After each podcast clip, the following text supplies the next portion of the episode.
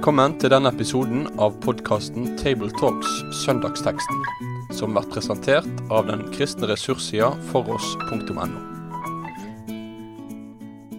Ja, velkommen til en samtale over teksten på fjerde søndag i påsketida.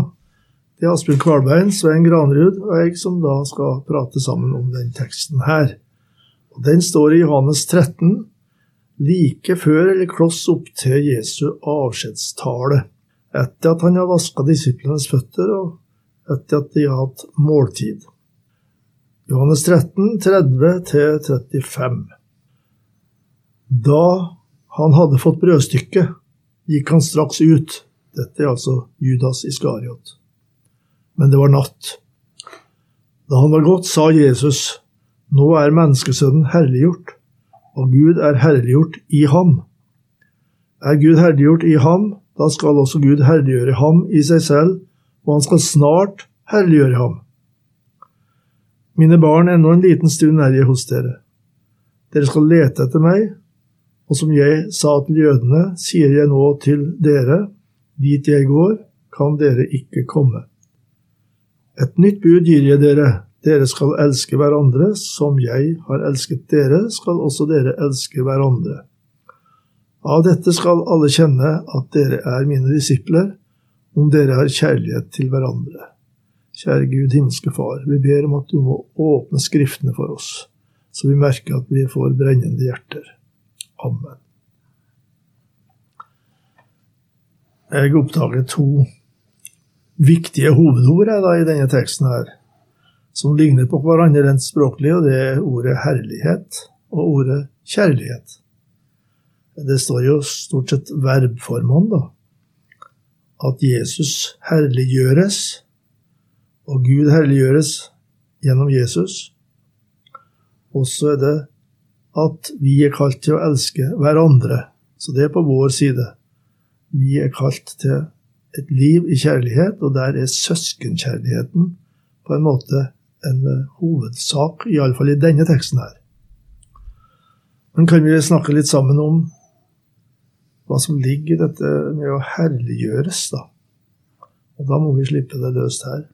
Ja, det er jo et uh, hovedbegrep, som du sier, og jeg um, vil jo tenke på det gammeltestamentlige bakgrunnen først, da. At um, herlighet og tyngde og ære og nettopp tyngde er jo kabod, liksom noe med gedigent. Det ligger noe heder og glans og respekt og ære og mange sånne begreper.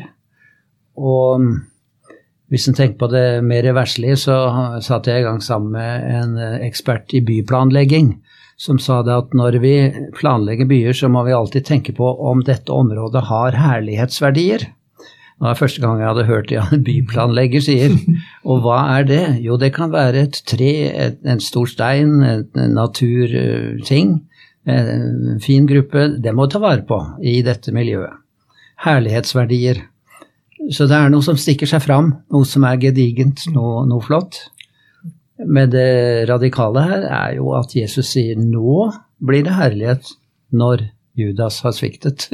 altså den veldige kontrasten der. Eh, men Jesus tenker naturligvis ikke bare bakover, han tenker framover til det som nå skal skje. Så det er de første tanker jeg gjør meg. Svein? Ja, det er ikke så dumt å begynne å sirkle inn eh, ord. Det kan være lurt av og til, det. Uh, også fra en prekestol tror jeg det går an, hvis vi klarer å, å, berøre noe av det folk eh, kjenner igjen. Uh, det er jo en del bibelske begreper som kun er bibelske, og da har vi jo en forklaringsjobb å gjøre. Å si Problemet med herlighet og kjærlighet det er jo at det er ord som brukes i det sekulære språk, mm. og har sin plass der, og du hører dem brukt omtrent som strikken. De kan tre sår det meste. Herlighet det er nesten et sånt Å, herlighet, sier folk. Mm. og, og, de bruker det på mye, alt fra sportskommentatorer til uh, reiseskildringer og politikere. Så, så, det er jo ord som på en måte må fanges inn og, og tas til inntekt for noe mye mer.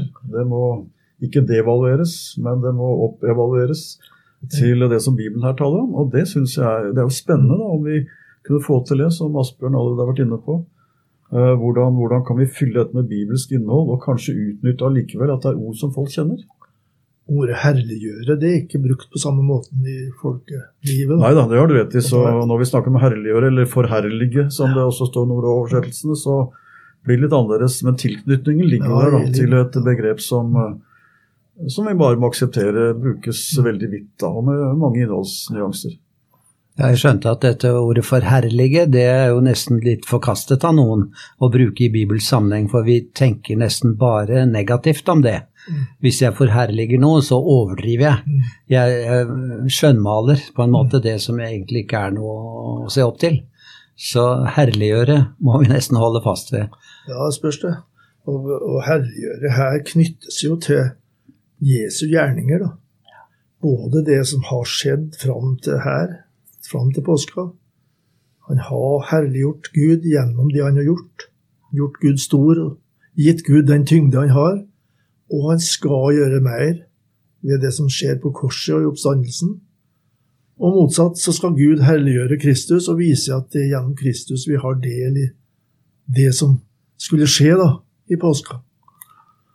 En mulig innfallsvinkel akkurat til den tematikken er jo å spørre folk er ikke Gud herlig nok fra før. Eh, Kan Jesus plusse noe på? Den Gud som vi møter i Det gamle testamentet, han stråler fram fra Sinai, han eh, skremmer Jesaja i tempelet, han opptrer sånn at vi aner at denne Guds herlighet er langt over det vi nesten kan både forstå og tåle å møte. Og så skal Jesus plusse på enda noe mer. Eh, gjør, no, gjør Jesus noe med Gud som ikke var der fra før, når han forherliger ham? Eller er det noe, er meningen at vi skal se ting vi ikke har sett? At Gud blir større i våre øyne enn det vi eh, har gjort? Det er også en spørsmålsstilling. Jeg ville vel kanskje svart at Gud blir ikke mer herlig etter at Jesus dør, men vi får se hans herlighet enda mer hva skal vi si, innholdssterkt, fordi vi aner hva som ligger i Guds herlighet. Det er ikke bare det som får Israels folk til å falle på ansiktet i ørkenen, men det er noe som lar oss ane at han er både hellig og samtidig kjærlig. Da kommer det opp mot eh, en forståelse av Gud som eh, gjør at Gud endres ikke med det Jesus gjør, men vi får se dypere inn. Det er vi som skal få se forherligelsen. Ja, og jeg tror det, det er riktig, altså, fordi vi i herlighet så tenker vi lett på å, å forøke og gjøre større, men her gjøres det en, en dybde i det. Det skapes en dybde. Og da, dermed er det jo interessant at eh, det kan oversettes at nå er menneskesønnen herliggjort, eller nå blir han. Begge deler er mulig å oversette. Og dermed så, så kan det peke litt tilbake på Judas at, at nå er vi midt i mørket, i natten, i frafallet, og så skal altså Jesus tre fram på den bakgrunnen. Og så er jo det viktigste at det peker fram mot korset, da. Men at vi kan tro at Gud blir herliggjort ved korset, det fatter ikke disiplene der og da. Og vi tror det knapt vi heller, men det er jo det vi må innse, at Guds herlighet kan tre fram på en så ufattelig måte som den gjør. Det er jo i den talen som Jesus holder i forlengelsen av dette som skjedde her, da, at han taler om Guds ånd som skal komme. Og åndens gjerning er jo å herliggjøre Kristus. Og det må jo bety at ånden gjør Jesus stor for meg. Gud er stor i seg sjøl, Jesus er stor i seg sjøl. Alt dette er veldig stort, men det er Guds ånd som gjør at dette blir mitt. Dette blir stort for meg. Det blir sånn at jeg får lyst til å lovprise og takke og love Herren for det som har skjedd med Jesus eh, gjennom denne herliggjøringen. Jeg la merke til også i kapittel 12 her at det som skjedde på korset, det kan faktisk kalles en opphøyelse, jf. det du sa om Judas og mørket. Altså, at det gjennom det som Jesus gjorde da han ble fordømt i, i det mørkeste stund i verdenshistorien over våre synder, dommen over dem, så sier Jesus det som da skjedde, det er en opphøyelse. Da jeg ble opphøyet fra jorden, skal jeg dra det til med. Det sa han for gi til kjenne hva slags død han skulle dø. Så det er noe stort og høyt, og det er for oss. Det, det, det gjenspeiles jo i disse tekstene vi har lest i påsken. Når eh, Jesus henger på korset, så er det noen som sier andre har han frelst, men seg selv kan han ikke frelse. Nå kan dere se hvor stakkars han er. Og like etterpå så er det noen eh, som sier sannelig, denne var Guds sønn. Mm. Fordi de På korset så ser du begge deler. Du ser altså han som lar seg fornedre til å bli en dødsdømt forbryter med alle våre synder på sine skuldre. Og samtidig, og nettopp derfor ser jeg Guds herlighet. Og jeg vet ikke noe sted hvor Guds herlighet og, som vi snart skal snakke om, Guds kjærlighet blir så tydelig som, tydelig som det er. For når Guds kjærlighet er slik at han lar sin sønn dø for at jeg skal ikke oppleve å bli forlatt av Gud, da aner jeg hvilken kjærlighet det er. Og da blir det øyeblikket også et øyeblikk hvor Guds herlighet blir stor. Men den blir da herliggjort på en måte som Ja, det må vi snakke litt med folk om. Mm. Hva slags herlighet er vi snakker om nå? Det er ikke bare den glansen som det er hyggelig å sole seg i. Dette er en herlighet hvor jeg skjønner at jeg er nær Han som elsker meg dypere enn jeg noen gang forstår. Du snakket om Egil, dette med eh, Guds herlighet som skal bli nær for oss, at vi skal gripe det. Eh, Det er jo interessant at i vers 33 så innleder han med å si 'mine barn'. Og jeg har lest at det er eneste gang i Johannesevangeliet at Jesus gjengir det. eh, 'Mine barn'. Han har nok sikkert sagt det annerledes, men akkurat der trengte de kanskje spesielt å høre at nå er dere barn som må ta imot dette vanskelige, og nå må dere virkeliggjøre denne herligheten i kjærligheten. Altså det er en overgang her som er interessant.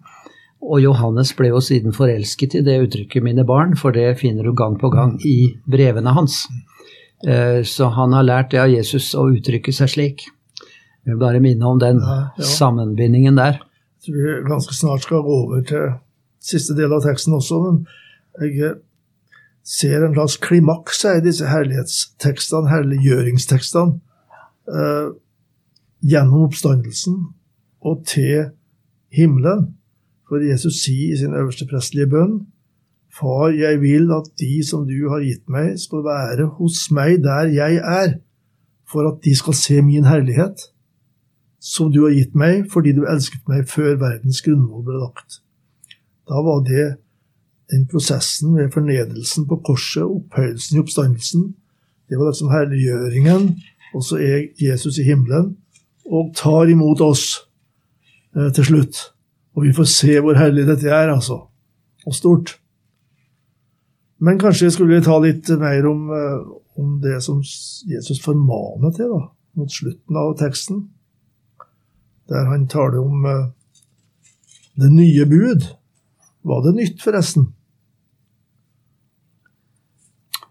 Hva du mener du det, Svein? Nei, Jesus viser vel selv til eh, Det gamle testamentet, han, hvor det står at vi skal elske Herren vår Gud av hele vårt hjerte, så det er ikke nytt. Og elsk vår neste som vår selv. Og vår neste som vår selv. Ja. Ikke sant? Det har de gamle hørt. ja. Jeg syns jo alltid, og det gjør jeg ofte et poeng når jeg preker om dette, at det er, det er noe av det som er krevende i livet, er å kommandere folk til å elske. Det, det har jeg for det første ikke blitt utsatt for selv, heldigvis, og jeg tror ikke jeg har prøvd meg på andre heller.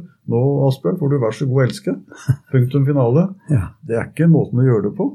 Men både Jesus gjør det, og apostlene gjør det i sine brever. Vi skal elske hverandre. Johannes gjør det selv, han har lært av Jesus. Så jeg tenker Da, da er det jo ikke galt, men, men ja, dette må vi snakke litt om, da. Men for å bare forskuttere det jeg prøver å komme fram til når jeg om det her, er at hvis jeg skal kommanderes til å elske, så må jeg en omvei. Jeg må bli elsket først. Vi elsker fordi han elsker oss først, skriver Johannes, den samme apostelen som her skriver. Og jeg tenker der er nøkkelen. Da går det an å si 'nå må dere elske'. Og det sier også Jesus her. Som jeg har elsket dere, skal dere elske hverandre. Så jeg prøver å si med matematikernes eh, store tyngde her er faktorenes orden ikke likegyldig. Men er det ikke likevel sånn at eh, det nye her er at de kristne Det forutsettes at de blir født på ny, da. Det skjer noe nytt med dem. Og der kommer eh, denne kjærligheten på en ny måte fram til uttrykk. Ja. En sånn søskenflokk som elsker hverandre, der en ikke før hadde akkurat denne type kjærlighet. Neida, og det er igjen et utslag av at det er han som er først ute. Han er først ute. Han som begynte en god gjerning i dere, skriver Paulus til Mm. Filippen. Og det, det tenker jeg er nøkkelen hele veien her. For ellers så Det som er skummelt, er at dette med å oppfordres til å elske, er ikke alle som syns er så galt. For det er jo så fint å bli oppmuntret til det, og kristendom må da være å elske hverandre. Og hvis vi ikke kommer lenger enn til at folk med sin naturlige tilbøyeligheter sier at nå skal vi prøve å være litt mer kjærlige enn vi har vært, da bommer vi på teksten. For dette har med det som du sier, Egil, å være gjenfødt å gjøre. eller at hans kjærlighet kommer til oss først. Ja, og dermed er denne teksten eh, litt mer av en vendepunktstekst enn jeg ofte har tenkt. Altså For det første, det veldige bunnpunktet, det var natt og Judas svik, og så kom løftet om herliggjørelsen, som nå eh, skal bryte inn. Og så skal herliggjørelsen skje ved at Jesus gir seg selv som et offer, en kjærlighet like til døden for vår skyld. Og da kommer tale om eh, den kjærlighet vi skal vise for vi elsker fordi han elsket oss først. Det er jo så enkelt som det. Og det var en død på et kors, helt selvutslettende, og så herliggjorde Gud Jesus ved det. Så det er eh, veldig skjellsettende, det som kommer her. Det er ganske sterke ord. Det som han avslutter det vi leste her, da. Av dette skal alle kjenne at dere er mine disipler om dere har kjærlighet til hverandre. Så det er et hverandre-aspekt i Det nye testamentet som er veldig sterkt, altså kanskje mye sterkere enn vi ofte får fram i forkynnelsen. Det kristne eh, fellesskapet, samhørigheten, legemet, lemmene, organismen, det at vi hører sammen, eh, og at det blir noe som andre merker. Og, når Peter sier en plass at i søskenkjærligheten kjærlighet til alle. Så blir dette blir en kilde, en kime til, til, kraft til å elske utover den eh, søskenflokken en er blitt en del av som kristen. Det var jo det som de ifølge kirkefedrene sa til hverandre da, i oldkirken. Se ja, hvor de elsker hverandre. Og I den grad det er sant, så er det jo en bekreftelse på at, at det å se noen elske hverandre slik som den kristne menighet skal, det, det er et vitnesbyrd. Og så er det jo ofte at vi føler oss litt beskjemmet og tenker at vi, vi har, litt, har, litt, igjen. Ja, har litt å, å, jobbe med, for å si det sånn. Det er litt ransakende. Ja. Men det er betegnende, da, som du sier, at det ordet 'hverandre' er brukt tre ganger i løpet av to verser i slutten av teksten. Ja, faktisk, ja. Så det er uh, Alelois heter det vel på gresk, og det er nesten halleluja i det. Eh, det ordet. Og det, det, betyr at det er jo rikdommen ved uh, kristendom, og det som gjorde at kristendommen vokste i høy grad, det var ikke en overbevisende lære og forståelse, men det var tjeneste, godhet, kjærlighet.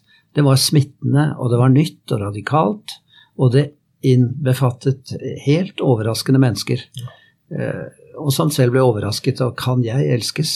Jeg husker i studietida jeg leste en artikkel tror jeg måtte være Oskar Skarsheim om de første kristne generasjonene etter århundre framover, der kristendommen ble sagt å bli spredd på den måten at kristne viste omsorg for fanger.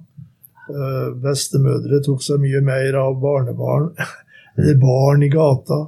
Eh, det var noe med de kristne som hadde skapt noe nytt, da. og som de, til, til vært oppmerksomhet omkring det. Ja, og tenk på det, nå er vi oppe i en sånn pesttid, men det, det, var det jo stadig i, ja, ja, det gjennom historien. Og kristne tok seg av de syke, for de var ikke redde for å dø. Og de kunne også være med å begrave folk, istedenfor at de skulle ligge henslengt på gata, de som døde. Mm. Så fikk de en verdig avskjed. Og, og, det var jo en sensasjon. Og en hedensk uh, konge, han kjente nesten på sitt eget folk at de ikke viste litt mer uh, barmhjertighet mot sine egne. Se på de kristne, hvordan de strekker seg. Det er også respekt i denne kjærligheten, da. Uh, så jeg husker fra den artikkelen, jeg har lest mye om det etterpå også, at respekten for det ufødte liv, f.eks., ja. det var en del av denne bølgen som slo gjennom. Og der har vi absolutt noe vi skal tenke på til hver tid. De hadde ikke abortteknikker sånn som man har i dag, men de satte dem ut i skogen, og de, ja, og de fikk en uh, ekkel, voldsom død. Men det, altså, da kunne jo andre plukke dem opp og vise kjærlighet. Da. Ja, det er helt fantastisk Det. Ja, Nei, det ender opp med det som det alltid er godt å liksom bruke som et nøkkelord, syns jeg, når Jesus uh, over i vers 15, kapittel 15 i samme avskjedstale sier 'bli i meg, så blir jeg i dere'. Det er for meg kanskje den mest komprimerte hjelpen til å skjønne hva som er uh, sammenhengen her. Uh, hos Jesus så blir jeg det jeg skal være. Mm. For Gud fullkomment, og blant menneskene stykkevis og delt, men likevel sånn at det kan synes. Mm. Kristus vinner skikkelse i dere, skriver Paulus til galaterne. Og det kan synes på meg at Jesus bor i mitt hjerte. Mm. Og noen ganger så syns det. Midt i vår skrøpelighet, og det er det Jesus taler om her, og det må vi snakke til folk om. Våge å tenke at i mitt liv så kan det synes at jeg har en som elsker meg så høyt. Interessant det der salmen som Hans Nissen Hauge sang på da, visstnok, da han hadde det åndelige gjennombruddet. Eh, Styrk meg rett kraftig i sjelen her inne, at jeg kan kjenne hva ånden formår. Det er noe av den helliggjørelsesdimensjonen her da, som, som slår ut i, i eh, omsorg og kjærlighet. Men nå har kanskje klokka gått så Ja, vi har noen minutter igjen. noen minutter igjen? Ja, da 20 minutter er gått. Jeg vil nevne det at i litteraturen er det jo ofte gjengitt det at når eh, kanskje mor og far begge to går bort, eller den ene av dem og de barna blir foreldreløse, så er kanskje siste formaningen de får, det er nå må dere søsken ta dere godt av hverandre. Og jeg føler det er noe av den avskjeden også her, at Jesus sier nå går jeg bort, men dere må ta dere hverandre, elske hverandre. Eh, Det er viktig. Og, så blir det jo utmyntet videre, som du nevnte, Svein, når det gjelder eh, å leve i kjærligheten på en annen måte. Men her er liksom den, den dimensjonen at en mister en forelder. Dere, dere visste, mister meg som veileder, men nå har dere hverandre. De hellige samfunn er på en måte nå introdusert på en sterk måte i dette. Jeg vet hva salme eller sang jeg ville foreslått hvis jeg skulle ha preika på denne søndagen her. Ja, la oss høre. Ja. Den er vel egentlig oversatt av Bjerkreim fra islandsk, faktisk. Velsigna band som binder Guds folk i sammen her. Det er noe der, eh, Hvis en ikke skulle ha lagt vekten på en salme om Kristi herlighet det han gjorde, så ville jeg valgt den.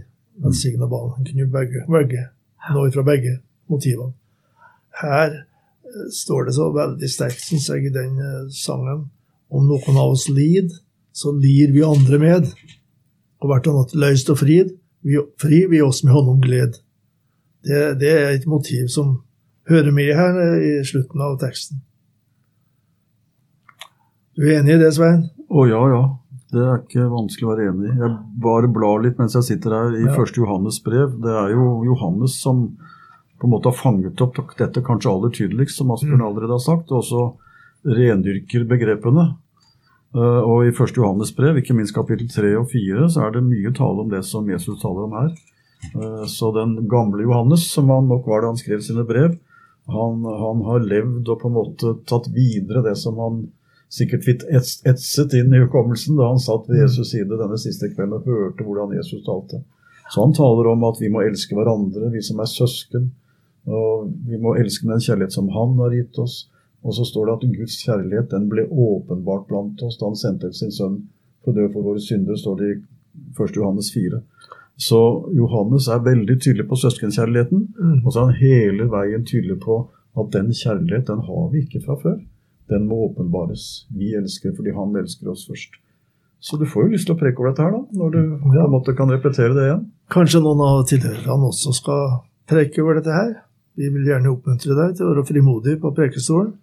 Og når de skal snakke sammen om dette, kanskje en gruppe, at de eh, leser og eh, tenker og ber over dette som vi nå har forsøkt å prate sammen om. Takk for nå. Med det sier vi takk for følget for denne gang. Finn flere ressurser, og vær gjerne med å støtte oss på foross.no.